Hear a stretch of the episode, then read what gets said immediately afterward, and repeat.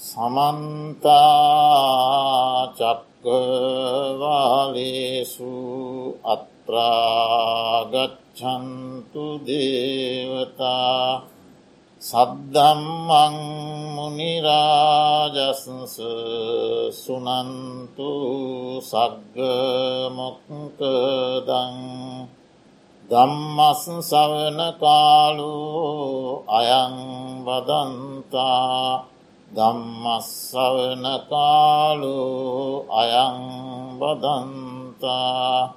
දම්මස් සවන කාලු අයං බදන්තා. නමුතස්ස භගවතු අරහතු සම්මා සම්බුද්දස්ස. නමෝතස්ස භගවතු අරහතු සම්මා සම්බුද්දස්ස. නමෝතස්ස භගවතු අරහතු සම්මා සම්බුද්දස්ස. විඤ්ජා උපපතතං සිට්හා අවිජ්ජානිපතතංවරා සංගෝ පවජමානානං බුද්ධෝ පවදතංවරෝති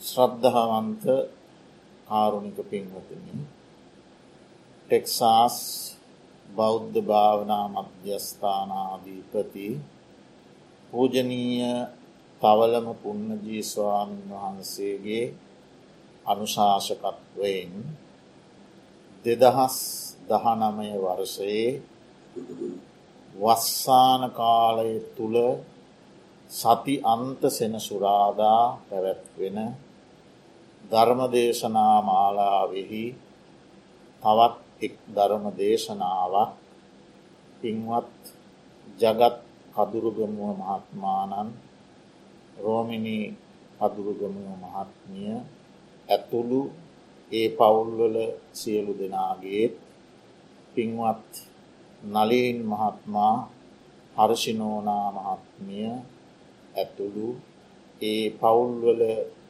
දූදරුවන්ගේ දායකත්වේ මුත් විහාරස්ථානයට සම්බන්ධ දායකකාරකාදී පින්වත් ඔබ හැම දෙනාගේ සහභාගීත්වයෙන් සිදු කෙරෙන මොහොත.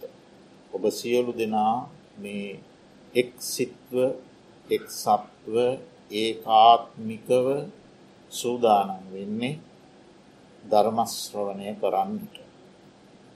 අද ධර්මදේශනාව සඳහා හරසීනෝනා මහත්මිය මාතෘකාවක් මතක් කළා. මාතෘකාව අවිද්‍යාව නමුත් මේ පැමිණ සිටින සියලු දෙනාටම සාධාරණයක් ඉටුවීම පිණිස අවිද්‍යාවත් ඇතුළත් කොට තවත් ධර්ම කරුණු තුනකින් සමන්විත වූ සංයුක්ත නිකායේ දේවතා සංයුක්තයේ ගාථහා ධර්මයක් ඒ ධර්ම දේශනාව සඳහා මුලින් මාතෘකා වශයෙන් තබාගන්නට යෙද. එක්තරා දෙවියෙක් දෙවි පිරිසක් සමඟ බුදුරජාණන් වහන්සේ හමු වූ අවස්ථාවක ඒ දෙවයාට බුදුරජාණන් වහන්සේගෙන් දැනගන්නට ප්‍රශ්න හතරක් තිබුණ. ඒ ප්‍රශ්න හතරට වෙනත් දෙවි කෙනෙක් විසින් ලබාදුන්න පිළිතුරකුත් තිබුණ. ප්‍රශ්න හතර මොනවාද උඩට නැගෙන දේවල් වලින් ශ්‍රේෂ්ඨ කුමක්. උඩට නැගෙන දේවල් වලින් ශ්‍රේෂ්ඨ කුමක්. පහතට වැටෙන දේවල් වලින් ශ්‍රේෂ්ඨ කුමක්ද. පයින් ඇවිද යන අය අතරින් ශ්‍රේෂ්ඨ කවුද. කතා කරන අය අතරින් ශ්‍රේෂ්ඨ කවුද. ඒතමා ප්‍රශ්න හතර. වෙනත් දෙවියෙක් ඒට දුන්න පිළිතුර තමා උඩට නැගෙන දේ අතරින් බීජ වර්ග ශ්‍රේෂ්ඨයි. පහතට වැටෙන දේ අතරින් වැස්ස ශ්‍රේෂ්ඨයි.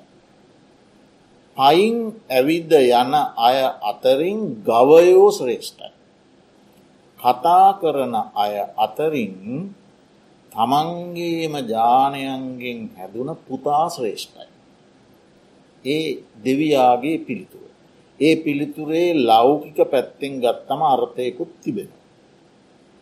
දඹදිව එවකට කෘෂිකාර්මික ජීවන රටාවක් පැවති බව අපි කවුරුත් ගන්න. හැල් වී අමු මෙනේරී උන්දු තල මෑ ආදී බීජ වර්ග ඉන්දියාවේ දඹදිව මධ්‍ය ප්‍රදේශයේ බහුලව වගා කළ. මිනිසුන්ගේ ජීවිත පැවැත්මට උපකාරවන ආහාරවර්ග හතරක් තියෙන. ඒ හතරෙන් තමයි අපේ ජීවිතය පවත්න්නේ ඉදිරියට යන්නේ. මොනවදේ කබලින්කාර ආහාර පස්ස ආහාර මනෝ සංචේතනා ආහාර විඤ්ඥාන ආහාර. අපි හිතන් හිටියට මේ බත්මාලු පිණිවලින්ම ජීවිතය පවතිනවා කියලා ඒක වැරදි. මේ හතරම අපේ පැවැත්මට උපකාරයි. කබලින්කාරාහාර කියන්නේ අපි ගන්නා වූ ආහාර. අපි කඩා කන ලෙව කන ඒ වගේම අපි ගුලි කරලා අනුභව කරන ආහාරවර. පස්ස ආහාර කියන්නේ ඇසකණනාසේ දිවකය මනස කියන ඉන්ද්‍රිය හයට රූපසබ්ද ගන්ධරස ඉස්පර්ශ දම්ම කියන අරමුණු හය අරමුණු වනාට පස්සේ ඒ අරමුණු දැනගැනීමේ විඤ්ඥාන හටගන්න. අරමුණක් කියල විඤ්ඥානයෙන් දැනගන්න. එතකොට දැන්ගේ අරමුණයි ඉන්ද්‍රියයි ඇසකණනාසේ දිවකය මනස කියන ඉන්ද්‍රියයනුයි අරමුණුයි විඤ්ඥානයයි තුනේ එකතුව සම්බන්ධය ඒකට කියෙන පස්ස කිය. ඒ පස්සයත් අපේ ජීවිත පැවැත්මට අවශ්‍යයි. මනෝ සංචේතනා ආහාර කියල කියන්නේ අපේ සිත්වල හටගන්නා කුසල අකුසල සිතුයි. චේතනා.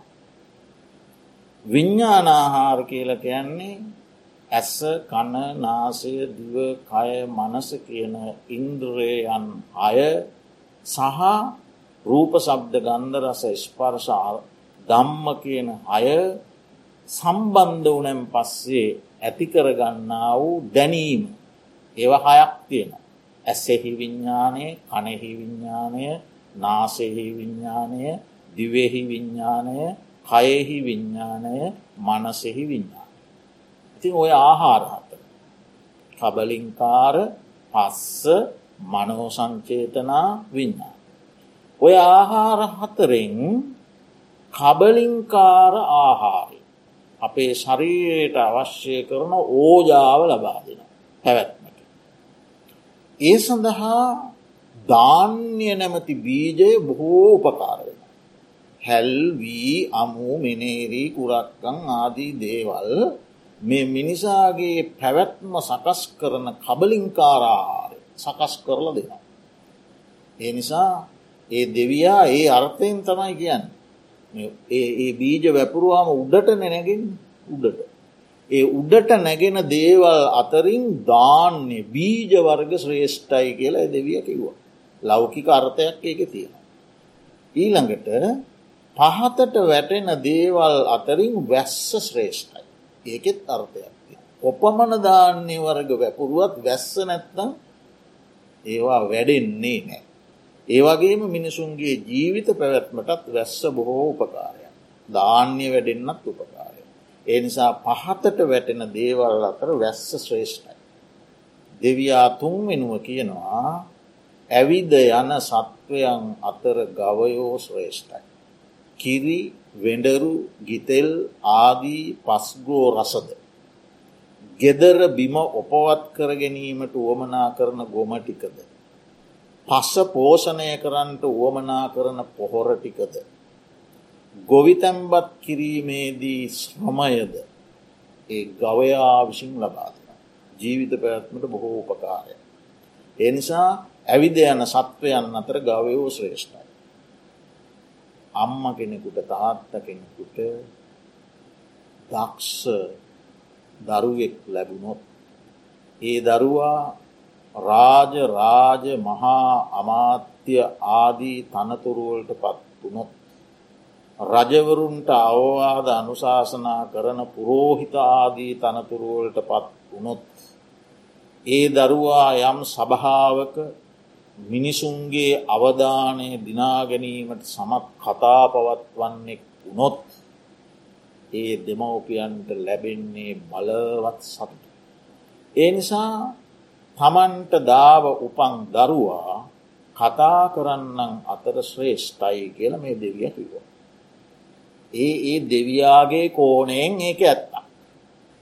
බුදුරජාණන් වහන්සේට ඉන් පස්සේ අර පළමු දේවතාවා මේ ප්‍රශ්නය ඉදිරිපත් කළා. අර දෙවයා ලබා දුන්න පිළිතුරෙන් සෑහීමකට පත්වනේ නෑ. ප්‍රශ්නය ඉදිරිපත් කළා. බුදුරජාණන් වහන්සේ අද මහනුවන හාමුදුරුණමක් වුණා. යථාර්ථයක් කියනවා නම් ඒක බොහෝම අගය කරමින් පිළිගන්න. මහන ඒ එහෙමමයි කියන. මහන එය එසේමයි. ඕක මම දේශනා කළත් කරන්න ඔය විදිහමයි කිය. එහෙම එක අනුමත කරන. සමහර දේවල් වලට විප්ලවීය පිළිතුරු දෙන. සමහර අදහස් මතවාද සමාජයට පුද්ගලයාට පුද්ගලයාගේ පැවැත්මට සමාජයේ පැවැත්මට යහගුණ වර්ධනයට මිනිසාගේ බුද්ධිය වසන්නට අවිද්‍යාව පෝෂණය කරන්නට විද්‍යාවට දොර අගුළුදාන්ඩ හේතුවෙනවා. කිස්සි පැකිලීමක් නෑ ඒක කණ්ඩනය කර. හැබැයි සුදුසු කාලයේදී. ඒ අවශ්‍යය කාලයේ සුදුසු නැත්තන් නිහටුව. සුදුසු කාලයේදී කණ්ඩනය කර. හදින් අදහස් ඉදිරිපත් කරපු අවස්ථාතිය. සමහර අවස්ථාවලදී සමාජයේ තිබෙන පිළිගැනීමට වෙනස් වූ අර්ථයක් දෙන. වඩා ප්‍රයෝජනව වඩා වැදගත් තිබුණ අර්ධයට වඩා අතිශයින් වැදගත් වඩාත් වැදගත් අර්ථයක් දෙන. එතවට බුදුරජාණන් වහන්සේ මෙතනදී අර දෙවයාගේ ප්‍රකාශය ප්‍රතික්ෂේප කළෙත් නෑ. ඒවා වැරදිී කියන්න ගියත් නෑ. බුදුරජාණන් වහන්සේ වෙනස් අර්ථයක් ඉදිරිපත් කළා. ඒ මොකක්ද. විද්‍යා උප්පතතන් සෙට්ටා සෙට්හා උඩට නැගෙන දේවල් අතර විද්‍යාව ශ්‍රේෂ්ඨයි. බීජනෙමේ විද්‍යාවයි ශ්‍රේෂ්ඨ.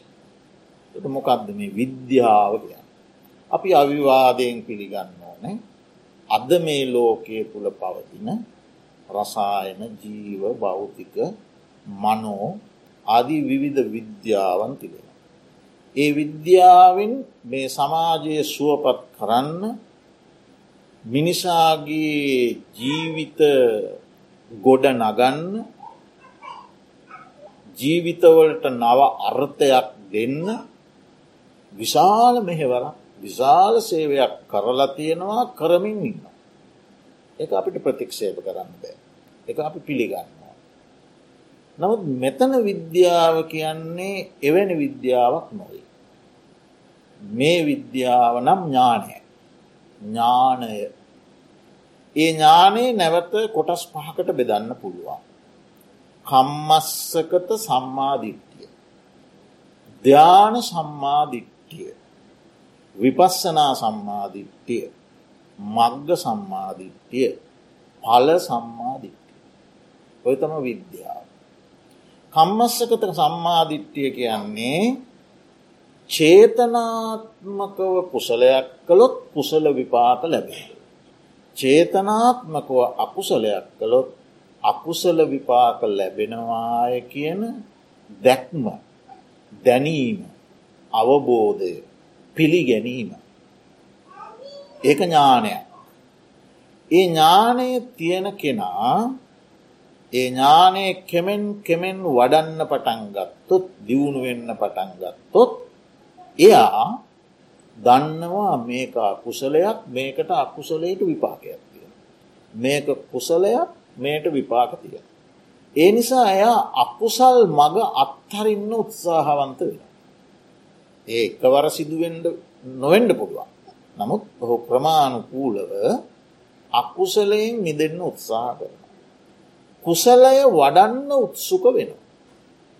ඒ නිසා මේ කර්මය සහ කර්මඵලය පිළිබඳ දැක්ම මිනිසා පහත් තත්ත්වයේ සිට උසස් තත්ත්වයකට ගෙනියනවා. ඉහල තලයකට ගෙනියනවා අධ්‍යාත්මික වශය. සදාචාර සම්පන්න වශය. එක සදාචාර සම්පන්න ජීවිතයකටත් වැරග. අධ්‍යාත්මික ගුණදහම් වැඩීමටත් ප්‍රයෝජන. එනිසා මේක හරි වැදගත් ප්‍රවේශයක්. කර්මය කර්මඵලය පිළිබඳ දැක්ම. විද්‍යාව. ඊළඟට ධ්‍යාන සම්මාධිට්ටි.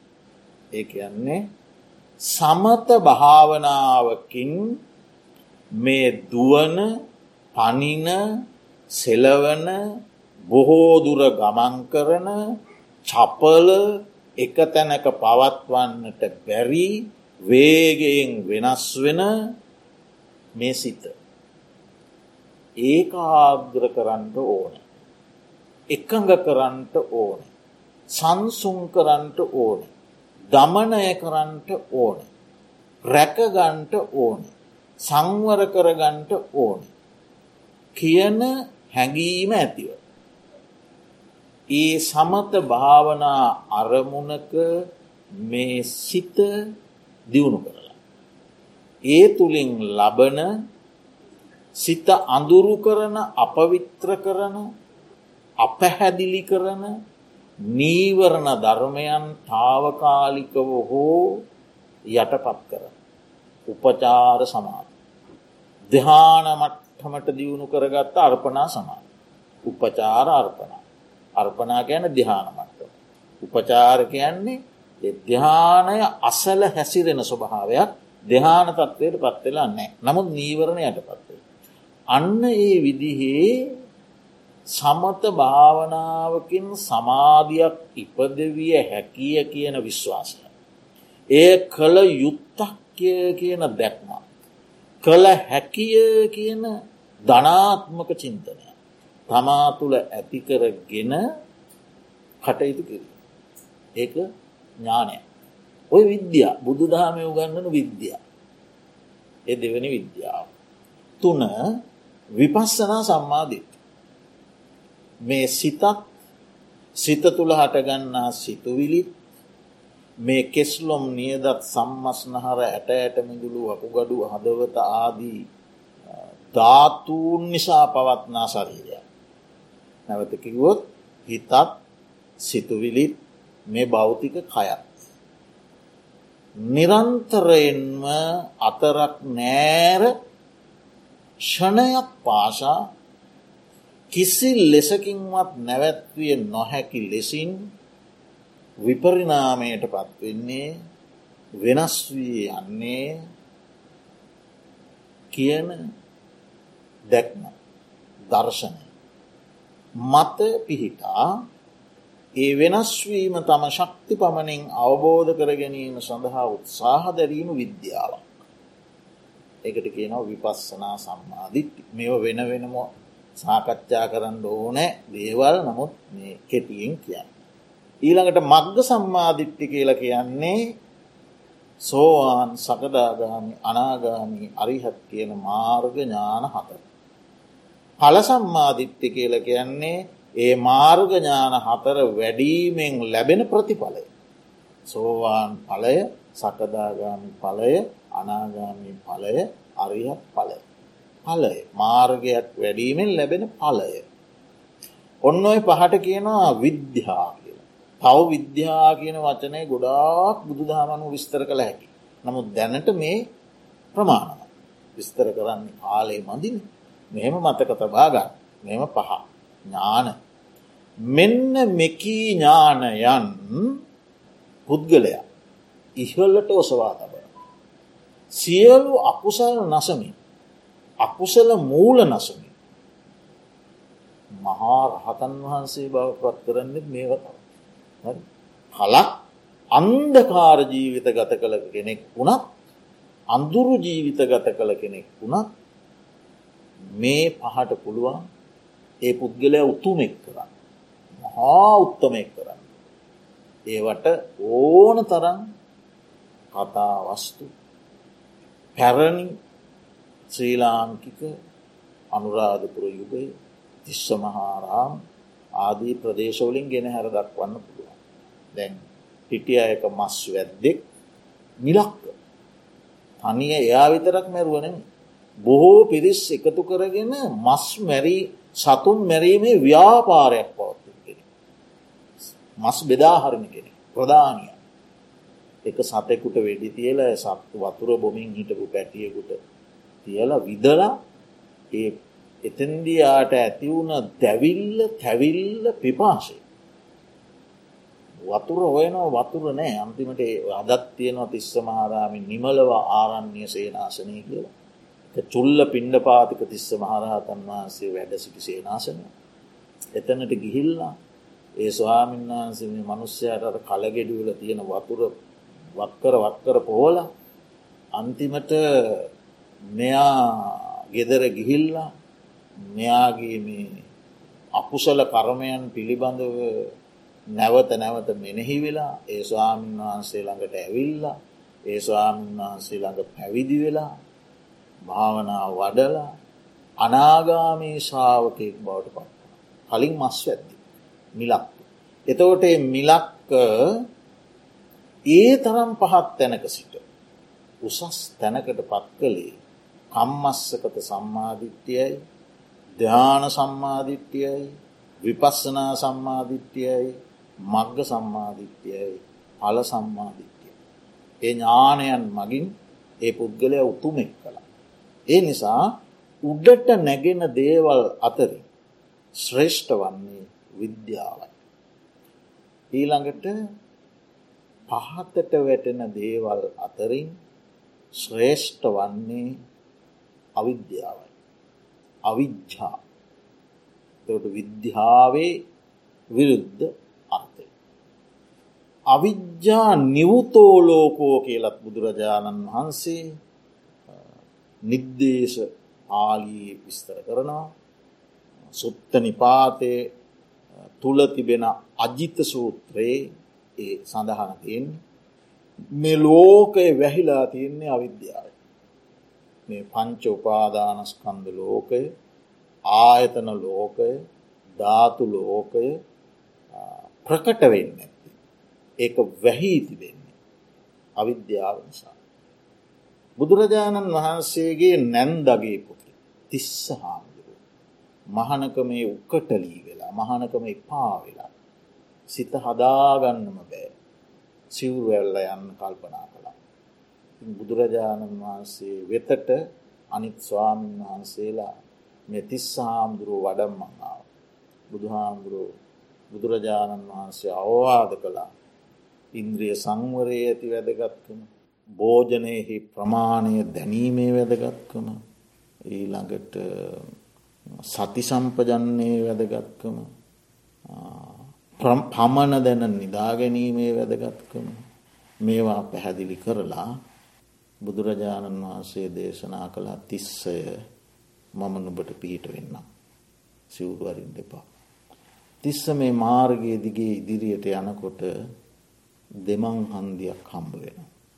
දෙමං හන්දිය ගැන කොහෙට යනවාද කියලා හිතාගණ්ඩ බැරි සැකය. එතනදී තිස්ස මේ වම් මාර්ගයේ යන්න එපා. මිච්චාදිට්ටි මිච්චා සංකප්ප මිච්චාවාචා මිච්චාකම්මන්ත මිච්චා ආජීව මිච්චාවායාම මිච්චා සති මිච්චා සමාධි කියන වම් මාර්ගය යන්න එපා. දකුණු මාර්ගයේ යන්ට. සම්මාධිට්්‍යාදී දකුණු මාර්ගයේ. ඒ යනකොට තිස්ස ගන්න වනල හැබක් හම්බෙන. ඒ වනල හැබගෙන් වනල හැබ ලගනං නතර වෙන්න පාකිව්වා. තව මේ සූත්‍රය ඉදිරියට යනවා මට මේ කියන්න ඕනකම තිබුණේ මෙතන මේ ගණ වනල හැබ කියන අවිද්‍යාව. මහා අන්දකාර වන ලැහැබක් අවිද්‍යාව කියල කිය. ගන්න වනාන්තරය. එතන හෙම නතර වෙන්ඩ පයිකු එක පවකරගෙන යන්නේ අවිද්‍යා. එතකොට මේ අවිද්‍යාවට අර්ථ දෙනවා නිර්දේශ ග්‍රන්ථයේ සාරිපුත්ත මහරහතන් වහන්සේ කතමාචාවුසෝ අවිද්‍යා. දුක්කේ අඥානන් දුක්ක සමුදේ අඥානන් දුක්ක නිරෝධය අඥානන් දුක්ක නිරෝධ ගාමිණී පටිපදාය අඥානම් පුබ්බන්තේ අඥානං අපරන්තේ අඥානං පුබ්බන්ත අපරන්තේ අඥානං ඉද පච්චයතා පටිච්ච සමුප්පාද දම්මේසු අඥානං ඔන්න. චතුරාර්ය ශක්තිය පිළිබඳව මුළු නොදැනීම. පූර්ුවය නැදනීම. පෙර පෙර පෙර භව පෙර ජීවිත. ජීවිතය මේ ජීවිතයේ පෙර අවස්ථා. මතු භව මතු ජීවිත. පෙර මතු දෙකම පටිච්ච සමුපාද ධර්මය පිළිබඳ නොදැන්මක් නොදැක්මක් අනවබෝධයක් යථාශුවරූප වශයෙන් නොදැක්මක් හාත් පසින්ම නොදැක්මක් මුල්ලු මනින්ම නොදැක්මක් වැසී යාමක් අඳුරක් බලවත් අඳුරක් ගණ අඳුරක් අවිද්‍යා නම් වූ සැඩපහරට හසුවීමක් අවිද්‍යා නම් වූ යෙදීමක් අන් සියලූම කුසල ශක්තියෙන් යට කරලා අවිද්‍යාව මතුව තිබීමක් අවිද්‍යාව නම් වූ වසාලීමක් අඳුරු කිරීමක් නීවරණයක් ආවරණයක් ගොඩාක් විස්තරකිද අවිද්‍යා. මුළු ලෝකයම වැහිල තියෙන්නේ අවිද්‍යාවෙන් කිවෝ. එතකොට එක් තැනක බුදුරජාණන් වහන්සේ දේශනා කරනවා මහනිනී මේ අවිද්‍යාව අසවල් කාලයේ ඇතිවුණාය අසවල් කාලයෙන් පස්සේ පවතිනවාය කියල මේක මුල් කෙලවරක් දකින්නත් අමාරු කිව. මුල් කෙලවරක් දකින්නත් අමාරු. හැබැයි අපේ ධර්මාවබෝධය සඳහා. එතනදී බුදුරජාණන් වහන්සේ ආහාර කියන වචනය යදමින් මේ අවිද්‍යාව පටිච්ච සමුපන්නෝ වැඩෙන හැටියක් පෙන්වා. දැ අපි ඉගෙනගෙන තියෙන පටිච්ච සමුපන්නේ නෙම මෙතන වෙනත් ක්‍රමයක්. අවිද්‍යාව වැඩෙන හැටි. එක අග සිට මුල්ලට මුල්ල සිට අගට ක්‍රම දෙකක් පෙන්න්නනවා. ඒ ඔක්කොම සාකච්ඡා කරන්න අපිට පැයක කාලයකින් බැහ. ඒ නිසා අපි බලමු එක එක මුල සිටාග පැත්ත මෙහෙමයි. අසත්පුරුෂ ආශ්‍රය කෙනෙකුට ලැබුණොත් එයාට සද්ධර්මය ගැන ඇසීමක් නෑන. එයාට ඊට පසේ අහන්ට ලැබෙන්නේ අසත් ධර්මය. අසත්පුරුෂ ආශ්‍රයෙන් අසත් ධර්මය පිරෙනවා. ඔන්න දැන් පිරිපිරී යන්නේ අසත් ධර්මයමයි. ඒ අසද්ධර්මය පිරීමෙන් මෙයාට තියෙන සද්ධාව නැති වෙලා යන. තිබ්බ ටිකත් නැති වෙනවා නැති දෙයක් නම් කොහොමත් ඇති වෙන්න. එතෝට මෙයා තුළ වැඩෙන්න්න පටන් ගන්න අශ්‍රද්ධාව. සද්ධාව නැතිකම. එතකට කරුණු තුනයි දැ. අසත්පුරු ශාස්ත්‍රය අසද්ධර්මශ්‍රමණය අශ්‍රද්ධාව ඔොන්දැන් පිරෙනවා. අශ්‍රද්ධාව පිරුණාම ඊට පස්සේ දැම් මෙයා තුළ වැඩෙන්න්න පටන්ගන්න අයෝනිසෝ වනසිකාරය. දැන් සිහිනුවනින් කල්පනා කිරීමක් නෑ. රාගදවේශමෝහය ආදී අනේකාකාර වූ අකුසල ධර්මයන් ප්‍රහාණය කිරීමේ ක්‍රමවේදයකට නෙමේ දැන් කල්පනාව යන්නේ. ඒවා දුරුකිරීමේ ක්‍රමයකට නෙමේ කල්පනාව යන්නේ එයා ඒව උප්පාදනය කිරීමේ ක්‍රමයකට තමයි දැන් කල්පනාව මෙහේවන්නේ. හරි. ඊට පස්සේ එසේ අයෝනිසෝ මනසිකාරය වැඩිලා පිරිලා යනකොට දැන් සති සම්පජන්නේ මොට වෙනවා. සිහියෙන් නුවනින් ඒ ඒ මොහොතේ ක්‍රියාකිරීම දැකීම අවබෝධ කිරීම කියන කාරණය මොට වෙලා ගිහිල්ල දැන් සිහි නුවනින් තොර බව වැඩෙන. අසති අසම්පජන්නේ වැඩෙන. ඒක පිරිල යන. ඒ අසතිය සම්පජන්නේ පිරෙනකොට එයාගේ එයා ත්‍රවිධ දුෂ්චරිතයට නැබුරුවෙන. ත්‍රවිධ දුෂ්චරිතය පිරෙන. කාය දුෂ්චරිත වාග දුෂ්චරිත මනෝ දුෂ්චරිත. ඒව ප්‍රියයි ඒව තමයි පිරෙන්න ගන්නේ. එහෙම පිරීගෙන යනකොට දැන් ඉතින් හිත නීවරණ ධර්මයන්ගෙන් වැහෙනවා. ත්‍රිවිධ දුෂ්චරිතයන් වැලෙනකොට පංච නීවරණයන්ගෙන් හිත වසාලනවා. කාමච්චන්ද ව්‍යාපාද තීනමිද්ද උද්දච්චකුක් කුච්ච විචිකිච්චා. නීවරණයන් සිත මැඩෙන්න මැඩෙන්න අවිද්‍යාව පෝෂණය. ආනෙතන පටිච්ච සමුපන්න ක්‍රමයක් දේශනා කළා. එතකොට අසත්පුරු ශාස්ත්‍රය අසද්ධර්මශ්‍රවනය. එතනින් අසද්ධර්මශ්‍රවනයෙන් අස්සද්ධාව. අස්සද්ධාවෙන් අයෝනිසෝ මනසිකාර. අයෝනිසෝ මනසිකාරයෙන් අසතිය සම්පජන්නේ. අසතිය සම්පජඥයෙන් ඉන්ද්‍රිය අසංවරය. අසතිය සම්පජන්නයෙන් ඉන්ද්‍රිය අසංවරය. ඉන්ද්‍රිය අසංවරයෙන් ත්‍රිවිධ දුෂ්චරිතය. ත්‍රිවිධ දුෂ්චරිතයෙන් පංචනීවරණ. පංචනීවරණයෙන් අවිද්‍යාව. ඔවිදි පෝෂණය වෙලා වැහිලා යන. අන්න. තකොට බුදුහාමුදුරෝ දේශනා කරනවා කෙ කෙලවරක් නම් පෙන්න්නට බෑ. අහවල් කාලෙන් පස්සේ ඇති වුණා කියන්නත් බෑ. හැබැයි මේක ඇතිවෙන්නේ හේතුපත්වේ. නිකං ඉබේ ඇතිවෙනවන මේ කවුරුත් මවන දෙයක් නෙමේ මේක. හේතුන්ගේ සම්බන්ධයෙන් හේතුන්ගේ එකතුවීමෙන් හටගන්නා දෙයක් අවිද්‍යා. එතකොට හේතුවෙන්ගෙන් හේතුන් හේතු සම්භූතවීමෙන් හටගන්නවන එක නිරුද්ධ කරන්නක් පුළුව. බැරි දෙකුත් නේ. එතෝට අන්නේ විදිහටත් බුදුරජාණන් වහන්සේ දේශනා කළා. අවිද්‍යා පරමං මලං කියලත් දේශනා කළ. මේ ලෝකයේ තියෙන මලකඩ වර්ග අතර පරමම මලකඩේ. ඊට වැඩිය මලකඩයක් අයනේ. සියල්ල වසාදන මලකඩේ. එක තම අවිද්‍යාව. ඉතින් ඒ ගැන වෙනම ධර්මසාකච්ඡාවක් පස්සෙ කරමු අවිද්‍යාව. ඊළඟට දැන් අට තුන්වෙනි ප්‍රශ්නය මොකක්ද පයින් යන්නවුන් අතර උතුම් කවුද ශ්‍රේෂ්ඨ කවුද. දෙවියාගේ උත්තරේ නම් ගවයෝ. දෙවියාගේ උත්තරේ නම් ගවයෝ. එතකොට බුදුරජාණන් වහන්සේගේ පිළිතුර සංගුරු පයින් යන අතර ශ්‍රේෂ්ඨ මහා සංකර. ඒ කාලේ මිනිස්සු ගොඩාක් පයින් ගමන් කළ. රාජරාජ මහා මාත්‍යවරු අස්වරතවල ගියා. සාමාන්‍ය ජනයා වැඩ ගමන් කළේ පයි.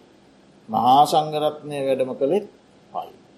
බුදුරජාණන් වහන්සේ තුරිත චාරිකා අතුරිත චාරිකා කියල පයින් වැඩම කළා. ඉතිං මිනිස්සු පයින් යන්නේ මොනවාට අම්ම බලන්දය තාත්ත බලන්දය ඒම නැත්තං දුව විහා විවාහ වෙලා වෙන පලාතක පදිංචි වෙලාන්න දුව බලන්ය මුණුපුරෝ බලන්යන මිනිස්සුන්ට එහෙම නිලක්ක එතකොට හේනට යන කුඹුරට යන වතුරහරවන්න හේනට වින කරන සත්තු එලවන්ද යන. ඒ ඒ විදිහේ විවිධ විවිධ අරමුණු ඔස්සේ මිනිසු පයින් ඇවිදින. මහා සංගරත්න මහා සංගරත්නයතින් උදේ පාන්දර නැගිටලා තමන්ගේ වත් පිල්ලෙට්ටික කරලා ඊට පස්සේ පාත්තරෙත් තවික දාගෙන ගැටවටු ශාලාවළඟට ඇවිල්ලා සිවුර දෙවුර වහල පෙරවලා පාත්තරයේ තවිකින් මුදවාගෙන ගෙපිළිවෙලින් පිණ්ඩ පාතය. මේ ඒ යන ගෙදර ආවල් ජාතියේ ආවල් කුලයේ හීන කුලයේ උසස් කුලයේ මොකක්කත් කතන්දරයන්නේ. නිල්ල ඇතින් හිටගෙනන්න. ආත්‍රයට යොමු කරන ලද නෙත් ඇතිව. ගෙදර දිහා බලාගන්න මේ ආත්‍රයට යොමු කළ නෙත්ත. නිකන් සබ්දවලින් සකස්වීමෙන් මිනිසු කතා බහ කරනයවෙන් තේරෙනවනං යමක් ලැබෙනවා මොහොතක් රැඳිලඉන්න. එහෙම ලැබෙන බවක් නැත්නම් තරහකුත් නෑ සුවපත්වෙත්වා කියල හිතල අනිගේදරක. ලැබුණොත් ලැබෙන දේ කුමක් වුණත් ඒදේ පිළිගන්න. එම පිළි අරගෙන විහාරස්ථානයට වඩින්ට වෙලාවක් තිබ්බොත් වටින. වෙලාවක් නැත්නම් වතුර තියෙන තැනක් කොහැරි හොයාගෙන එතෙන්ට වෙලා වලද. ඉතින් එහෙම නැත්නම්. කාගෙහා ආරාධනාවට වටින. අපේ නිවසට හතර පස් නමක් වඩින්න කියලා ආරාධනා කළොත් ඒ ආරාධනාවකට වඩි. එහෙම නැත්තන් තමන් ඉන්න වූ ප්‍රදේශයි දැන් බොහෝ කාලයක් හිටිය නිකං අරතිය වගෙත් ඇවිල්ල තියෙනවා. එතකොට තව කල්්‍යයාන මිත්‍රයකුගේ සේවනය වෙන තැනකිමුත් ලබාගත්තොත් හොඳයි එවැනි අදහසක් ඇති වුණොත් ඒ වෙන සේනාසනයක් බලා වෙන ප්‍රදේශයක් බලා වයි. ඒ විදිහේ මහා සංගරත්නයේ වැඩීම අන්න එහෙමයි. ඒ වඩින කොටත් විනයානුකූල වැඩීම් ක්‍රමයක් තියෙනවා. ඒ වැඩීම් ක්‍රමයට ඔක්කිත්ත චක්කු අන්තරකරේ ගමිස්සාමින්තිී ශික්හා කරන්නය. ඔක්කිත්ත චක්කු අන්තරකරේ නිවාසේ නිවාසානිශ්‍යයුත සික්කා කරන්නේ. ඕම ශික්ෂාපද තියෙන වඩින්න. කියන්න හිස්ස සලා ඔබ මොබ බලා නිකං ඕම අයියෙන් එහෙම එහෙම වඩින්නේ. වටපිට බල බලා ඔලුව හොලෝ හොලෝ ඒමන මේක බොහොම සංසුන් ගමන නැත්තැන් ධර්මාසෝක රජතුමා තමන්ගේම සහෝදරයක පුතාට පහදී. නිග්‍රෝධාමනයම අවුරුදු හතයි වයස්. බෝම සංසුන්ගමනින් පාරිවඩිනකොට ධර්මාසෝක රජතුමාට මේ කාලින්ගේ යුද්ධයෙන් හිත පීඩාවට පත්වෙලා නහිටි කවුදාවේ එහ එකගන්න. දේතනින් ධර්මය වැළඳග. ඒ විදිහේ ශික්ෂාකාමීව වඩින. සිව් පසේ සොයාගෙන ඉතින් ඒ වඩින ස්වාමීන් වහන්සේලා අතර ඉන්න පාංශපූලික චීවර ධාරණය කරන ස්වාමීන් වසේලා. ඒ ස්වාමීන් වහන්සේලා ඉතිං ඔය මිනිස්සු මීයෝ කාල විසි කරන රෙදි තියෙන. කැතකුණු ආදිය පිහෙළදා විසි කරන රෙදි කෑලි තියෙන. ඊළඟට ඒවා සොහොන්වල අතහැරලදාපු රෙදි තිය. ඒව තියනවා පැහැදිලියම් ත්‍රිපිටකේ තියෙන. ත්‍රිපිටකේ පැහැදිලියම තියෙනවා ඒ අංගුත්තර නිකාය පංචක නිපාතේ දුතාංගධාරී භික්‍ෂූන් වහන්සේලා ප්‍රබේද කරල බෙදලා. එතෝට ඒ විදිහි ස්වාමීන් වහන්සේලා. ළඟට ගෙනත් දෙන සිවුරු පාවිච්චි කරන ස්වාමීන් වහන්සේලායි. සමහර පිරිසක් ළඟට ගෙනත් දෙන දේ පිළිගන්න නෑ. ඒගොල්ලුන්ගේ ඒක වත්තකුත් නෙමේ වෘතයකුත් නෙමේ. ඒගොල්ලෝ සැහැල්ලු පැවැත්මට කැමති. පාටවත් බැඳිල නෑ. ළඟට ගෙනත් දෙන දානය වලඳ පුවම බැඳීම් ගොඩක්. ඒගොල්ලො කැමති පිණ්ඩ පාතිය. මහාකාශ්‍යප මහරහතන් වහන්සේ වගේ. ඉති ඒ විදිහ විවිධ එක එක ක්‍රමයක් නෙවෙයි ක්‍රමරාශය. එ කුමන ක්‍රමයෙන් තමන්ගේ ජීවිත පැවැත්තුවත් මහා සංගරත්නය වැඩීම ලෝකයාට මහත් සාන්තිය. ඒ නිසා පයින් යන අය අතර සංගරත්නය ශ්‍රේෂ්ඨයි කියලා බුදුරජාණන් වහන්සේ දේශනා කළ. යම් විටක මේ මහා සංගරත්නය දැකලා සිත පහදවාගත්තත් එහෙම. ඒ සන්තමානසා ශාන්ත මනසකින් යුක්ත සන්තින්ද්‍රියා ඉන්ද්‍රිය සංවරයෙන් යුක්තව. ඒ වඩින ස්වාමීන් වහන්සේ නමක් දැකලා. යම් කෙනෙක් හිත පහදවා ගත්තු. එයා තව දන්දීලත් නෑ සිල්ර කරත් නෑ භාවනා කරන. හිත පහදවා ගත්තු. ඒ ප්‍රසන්න චිත්තයෙන් එයා මැරුණු. සග්ග සංවත්තනිකම් භික්කවේ පටිපදම් පටිපන්නන්න. ඒ සිත පහදවා ගැනීමේ මාත්‍රයම හො සුගතියකට ගෙන. කුල සූත්‍රය. ඊළඟට. පච්චුට්ටෙන්ති අභිවාදෙන්ති ආසනම්දෙන්ති. උන්වහන්සේලා දැක්කම නැගිටි නොවාඩි වෙලා ඉන්න පුටුවේ. වන්දනා තමන්ගේ නිවසට ආරාධන කළ ආසනයක් පනවල වැඩ ඉන්න කිය. තවම දන්දීරනය. නැගී සිටිනවා වැඳුම් පිදුම් ගරුබූමන් කරනවා ආසන පූජාවන්. උච්චහ පුලීන සංවත්තනිකම් භික්කවේ පටිපදම් පටිපන්නන් හෝ. ශ්‍රේෂ්ඨ උසස් ආචාරශීලී ගති පැවතුම් ඇති පවුල්වල උපති. යම් අකුසල කරමයක් හේතුවෙන් තිරිසංආත්මයක ඉපදනුත් ඇතෙක් වෙලා ඒත් ශ්‍රේෂ්ඨ ඇතෙක් වෙලා තම ඉපති. දළදා මාලිගාය කරඳු හරි රයි යන්න පුුව. ආජානයේ ඇත් පොලෝල උපදින. ආජානයේ අශ්ව කොලෝල උපදිනවා අශ්වයෙක් වෙලා දැන් සුනකයන් අතරත් නැත් දෙහෙම වර්ගීක දැන් ඔය පින්වතුන් සුනකයෝ හදනකොට කොහොම හදන්නේනේ බෙහෙත් විදිනවා කන්න දෙනවා. අපි කනකෑම ඒගොල්ලොන්ට දෙන්නේ. ඒගොල්ලොන්ට වෙනම නිදාගන්න තැනත් තියෙනවා. නේද? ඒ යන්න උසස් උසස්තත්වයේ දේ සුනකයන් අතර සමහරු උසස් වෙන සමහරු ගල් ගහල එලවන්න දැක්කගම එහෙම සුනකයුත් ලංකායි පන්සල්ලට ගෙනත්දාන්න බලු පෙටව් ටික තියාගන්න බැල්ලියෝ ටික ගෙනත්ත පන්සල්ලට. ඉතින් පන්සලේ ස්වාමීන් වහන්සේගේ කරුණාව නිසාර ඉතුරු වෙන බට්ටිකක්දාන ඊට පස්සේ ඒගොල්ල ඒව කාල සමහරු බඩ ලොකූ වෙලා පොඩි කාලම සමහරු මැරෙන. මොක දේශවාමිනාවට බෙදෙන්ට පුළුවන් පන්සල කරගෙන නෙත් බොහමමාරු පොඩි හාමුදුරටගත් එක බල්ලොන්ට බෙදෙන්ට සල්ලිනෑ ඒගොල්ලු බඩ ලොකු වෙලා මැරෙන. සමහරු ඉතුරු වෙනවා. ඉතිරුල ආය ගොල්ලු පැටවදාන්නට. හොම සෙල්ලම් තියෙන. ඒත් හාමුදුරුව ගල් ගහලනං ඉලවන්න මිනිසු එලවා. එහෙම යම් අකුසල කරමයක විපාකයක් වසයෙන් තිරිසංආත්ම භාවයක් ලැබුවත් ඒත් විශේෂත්වයක් ලැබ. ඊළඟට මච්චේර මලම් පටි විනෝදෙන්. අනේ මේ ස්වාමීන් වහන්සේලාට අපි යමක් පූජා කරන්න. මේ දාන වෙලාවනේද. මේ ගිලම් පස වෙලාවනේද. කියලා හිතලා පූජා කරන්න ඕනෑ කියන හැඟීමක් ඇතිකරගෙන තමන්ගේ හිතේ තියෙන මසුරුකම කඩාගත්ත. මසුරුකම දුරු කරගත්ත. මසුරු මල යටපත් කරගත්ත.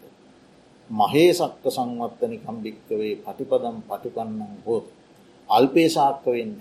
මහේශාක්‍ය ජීවිත ලබන. ප්‍රසිද්ධිය කීර්ති ප්‍රසංසා පරිවාර සම්පත් ලැබෙන. මසුරු මල දුරු කරගෙන්නේ. යථා සත්‍ය යථා බලන් සංවිභජන් තමන්ගේ ශක්ති පමණ තමන්ට හැකි පමණ තමන්ට හැකි පොල් සම්බෝලය බතක් වෙන්නක බත් හැන්දක් වෙන්නක ඒ ශක්ති පමණින් බල පමණින් හැකි පමණ ශ්‍රද්ධාව උපදවාගෙන. අනේ මට ඉතින් හොඳ දෙයක් දෙන්ඩ නෑනේ කියලා දුක්වෙන්ඩ හොඳනෑ තමන්ඩ පුළුවන්. ඒ ස්වාමීන් වහන්සේලාට සමා සන්තකදේ සංවිභජනය කරන බෙදල දෙෙන මහා බෝග සංවත්තනිකම් භික්කවේ පටිපදම් පටිපන්නන්න සසර ගමනයේදී උපභෝග පරිභෝග සම්පත්ල බන්ටේ කින් බන්තේ කුසලංකින් බන්තේ අකුසලංකින් බන්තේ සාවජ්ජංකින් බන්තය අනවජ්ජන් ස්වාමීනී කුසලේ කුමක්ද අකුසලේ කුමක්ද වැරදිදේ කුමක්ද නිවැරදිදේ කුමක්ද ආදී වශයෙන් නුවනින් විමසමින් බනාහන මහා පඤ්ඥා සංවත්තනිකම් භික්කවේ පටිපදම් පටිපන්නන් හෝ මහා ප්‍රඥාවන්ත ජීවිත ලබ මන ඇසීමේ පින්ක ගෙදරදි හරි අහන් යන්න Google එකට ගිහිල්ලා. පුළුවන් තරම් බනාහන්න දවසකට පෑ භාගයක්. පැයක් රින් කරගෙන පෑ භාගයක් පත් අහන් සත පහක්වත් විය දන්නවී මහා ප්‍රඥාවන්තයෙක් වීමට තියෙන මාර්ගය. බන කිසිදු වියදම බනාහන් එතකොට මහා සංගරත්නය ඔන්න ඔය විදියට පයින් යනා අතර ශ්‍රේෂ්ඨයි. ඊළඟට බුද්ධෝ පවදතන් වරු. මේ ලෝකයේ සිටින කතා කරන්න වූ අය අතර. ශ්‍රේෂ්ඨම උත්තමයන් වහන්සේ සම්මා සම්බුදුරජාණන් වහන්සේ මයි බුදුරජාණන් වහන්සේගේ වචන වෙනමම මාතෘකාවක් ඒ වචන. නමුත් අපි මේ වෙලාවෙ හැටියට බැලුවොත් කාලවාදී. සත්‍යය උනත් දේශනා කරන්නේ සුදුසු කාලය බලලා. යමක් යම් අවස්ථාවල බොහොම සිත් වලට තදින් ඒත්තු ගැන්වීම සඳහා ලෝකයාට සැරයි කියල පෙනුනට එම සැරක් නෙවෙයි ඒ විදියට කතා කරලද ඒත් කාලය බල. සුදුසු කාලයේදී වචන කතාකිදී. බුදුරජාණන් වහන්සේගේ උදාරගතිය. ඊළඟට භූතවාදී. සිදු වූ දෙයක් පමණයි කතා. සිද්ධ නොවූ නිකං එහෙම් මෙහෙන් ඇහුනාය කියලා ඒක සත්‍යයක් ලෙස පිළියරගෙන එම කතා කරන්න. සිදු වූ දෙයක් කතා කරන්න. දම්මවාදී මොනම හේතුවක් නිසාවත් අධර්මය කතා කරන්නේ. විනයවාදී මොන්නම හේතුවක් නිසාවත් හික්මීමට විනයට පරිබාහිර දේවල් කතා කරන්න. පුද්ගලයා තුළ සංයමය හික්මීම විනය ඇතිවෙන දේවල් තමයි බුදුරජාණන් වහන්සේ කතා. කාලවාදී භූතවාදී අත්තවාදී විනයවාදී ධම්මවාදී. අත්තවාදී කතා කරන සෑම වචනයකම අර්ථයක් තියෙන. අනර්ථය පිණිස හේතුවෙන කිසිදු වචනයක් තතාගත සම්මා සම්බුදුරජාණන් වහන්සේ නම දේශනා කරන්නේ. අත්තවාද. සාපදේශන් සෑම වචනයකම මිනිසාට අවශ්‍යය කරන මෙලව ජීවිතයේ සැනසිරිදායක ජීවිතයක් බවට පත් කර ගැනීමට අවශ්‍ය උපදේශතිය. පරලෝ ජීවිතය සුවපත් කර ගැනීමට අවශ්‍ය උපදේශතිය. නිර්වාණ අවබෝධය සඳහා අවශ්‍ය උපදේශතිය. උපදේශ සහිත වචනයක්මයි කතා කරන්න. නිධාන වතින් භාග්‍යවතුන් වහන්සේ දේශනා කරන්නේම හදවතෙහි නිදංගත කර ගැනීමට සුදුසු වචන. තැම්පත් කරලා තබාගන්න මතකයේ තබාගන්න සිහිකරන්න අමතක නොකළ යුතු නිධානයක් ආරක්ෂා කරනවාගේ හදවතේ ධාරණය කරගණ්ඩ සුදුසු වචනයක්මයි බුදුරජාණන් වහන්සේ දේශනා කරන්න. පරියන්තවති. ඒ හැම දේශනාවකම මුලක් තියෙනවා මැගක් නැදක් තියෙනවා කෙලවරක් තියෙන. එම කෙලවර සහිත වචන කතා කර. ඒ වචනල තියෙන කෙලවර ගත යුත්ත හරයක් අරටුවක් එක පැහැදිලි මුලමැදාරක් තියෙන.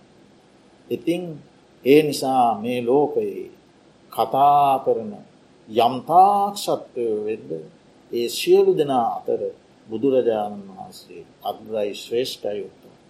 ඒ භාග්‍යවතුන් වහන්සේගේ ස්වක්හාතාදී වූ ඒ උදාර කතා විලාශයන්ගින් ප්‍රසාදයට පත් වූ එක්කනෙක් දෙන්නෙක් තුන් දෙනෙක් පස් දෙනෙක් දහ දෙනෙක් සිය දෙනෙක් දහස් දෙනෙක් ලක්ෂ දෙනෙක් නොවේ කෙල කෝටි ගණන් සත්වයෝ සසර දුකින් මිදී ගිය. දෙවි බඹුන් සසර දුකින් දී ගිය. ඒ නිසා ඒක හරි අපූර්දයක්. ඉතිං ඒ නිසා අපි අද ඉගෙන ගත්තේ සංයුක්ත නිකායේ වුට්හී සූත්‍රය වුට්හී සූත්‍රය. ඒ සූත්‍ර දේශනාවෙන් උගන්වා වදාල් ඔය ප්‍රධාන කරුණු හතර මතකතියාගන්න උඩට නැගෙන දේ අතරින් විද්‍යාව ප්‍රධානයි. පහතට වැටෙන දේ අතරින් අවිද්‍යාව ප්‍රධානයි.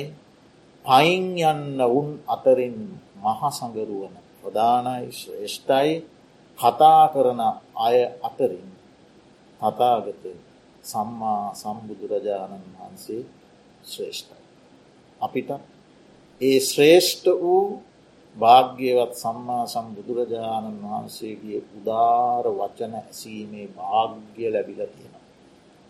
ඒ වචන සමාජගත කරන මහා සංගරත්නයේ ඇසුර ලැබිල තියෙන. ඒ දෙකම ලැබුණ අපි ඉතිරි දෙක සම්පාධනය කරගන්නඩ ඉතිරි දෙක මොනවාද අවිද්‍යාව කෙමෙන් කෙමෙන් අඩු කර ගැනීමත් විද්‍යාව කෙමෙන් කෙමෙන් දියුණු කර ගැනීම. ඒ දෙක අප අප විසින් කළ යුතු දෙයක් කියන බවත් සිහිපත් කරමින් අද මේ ධර්ම දේශනාවෙන් උපදවාගත්ත කුෂල ශක්තිය ජගත් මහත්මාට රෝමිණී මහත්මයට දරුවන් දෙදෙනාට පවුලට සම්බන්ධ සියලූම මේ අවස්ථාවටත් සම්බන්ධ වෙන නම් වසයෙන් හැමෝගේම නම් කියන්න බලාපොරොත්තු වෙන්නේ මේ සම්බන්ධ වෙන සියලූම ඥාතිය. තව මේ අවස්ථාවට සම්බන්ධ නොවන යම්තාක් ඥාතීන් ශ්‍රී ලංකාව ඒ වගේම මේ රට තුළ ජීවත්වෙනවන ඒ සියලු දෙනාට නිදුක් නිරෝගී සුවපත් භාවය දිගාසිරි සම්පත් පිණිස. මේ පින් හේතුවේවා වාසනාවේවා උපනිශ්‍රේ වේවා කියලා පාර්ථනා කර. ඒ වගේම නලීන් මහත්මාට අර්ශිනෝනා මහත්මයට දරුවන් දෙදෙනාට දෙපාර්ශවේම සුජීවත්වෝ ආසය කරන මෞදමවපියන් සහෝදර සහෝදරයෙන් ඇතුළේ සියලු ඥාතීන්ට. නිදුක් නිරෝගී සුව පත්භාවය දිගාශිරි සම්පත් පිණිස හේතුවාසනාවිත්වා කියලා අපි පාර්ථනා කර. ඒ වගේම ධර්මශ්‍රවණය සඳහා මේ අවස්ථාවට සහ සම්බන්ධ වුණ දායක කාරකාදී පින්වත් ඔබ හැම දෙනාටම ඔබ සියලු දෙනාගේම පවුල්වල දවාදරුවන් ඇතුළු සැමට නිදුක් නිරෝගී සුවපත්භාවය පිණිස මේ පින් හේතු ආසනාවත්වා. අප සෑම සියලු දෙනාටම මෙලවින් වන්නා වූ යම් අපල උපද්‍රවයක් කරම දෝෂයක් අතුරු අන්තරාවක් මාරක බාධකයක් වෙත්නම්. ඒ සියල්ල හිරුදුට ගනාදුරක්ෂයෙන් විහිත විද්වන්සනය වෙත්වා. යහපතක් සෙතක් ශාන්තියක් අභිවෘධයක් සැනසුමක් පිණිසම් මේ පින් හේතු ආසනාවත්වා. ඉතා ඉක්මන් භවයකදීම දුක්ක සමුදය නිරෝධ මාර්ගයන චතුර්ආර්ය ශක්්‍ය ධර්මයන් අවබෝධ කරගෙන සදාකාලික සැපෑතියමාම නිර්වාණසුව සාන්තිය පිණිසත් හේතුවාසනාවෙත්වා අප නමින් පරලෝසපත් යම්තා ඥාතීන් වෙද්ද ඒ සියලු දෙන මේ පින් අනුමෝදංව ඕනෝන්ගේ ආයිති භවයන් සුවපත් කරගෙන උතුම් නිවනින් සැනසෙත්වා. දෙවියන් සහිත ලෝකවාසී සියලු සත්වයන්ට මේ පින් සසර ගමන සුවපත්වීම පිණිස හේතුවාසනාවෙත්වා ගෙන පාර්ථනාවෙන් සාධකාරයක් පොරත්වා.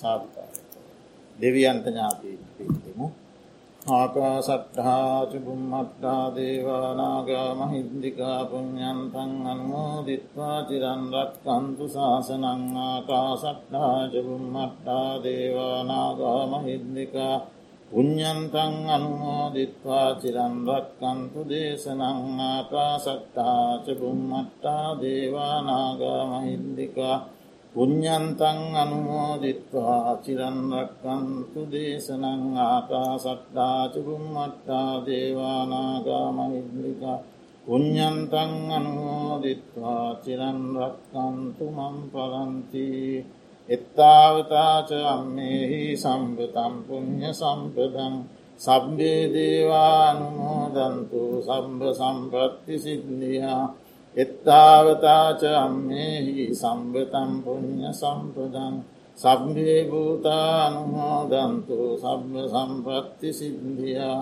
එත්තාවතාච අම්මෙහි සම්බතම් පුුණ්්‍ය සම්පදං සබ්මේ සද්ධානුමෝදන්තු සබ්බ සම්පත්ති සිද්ධියා.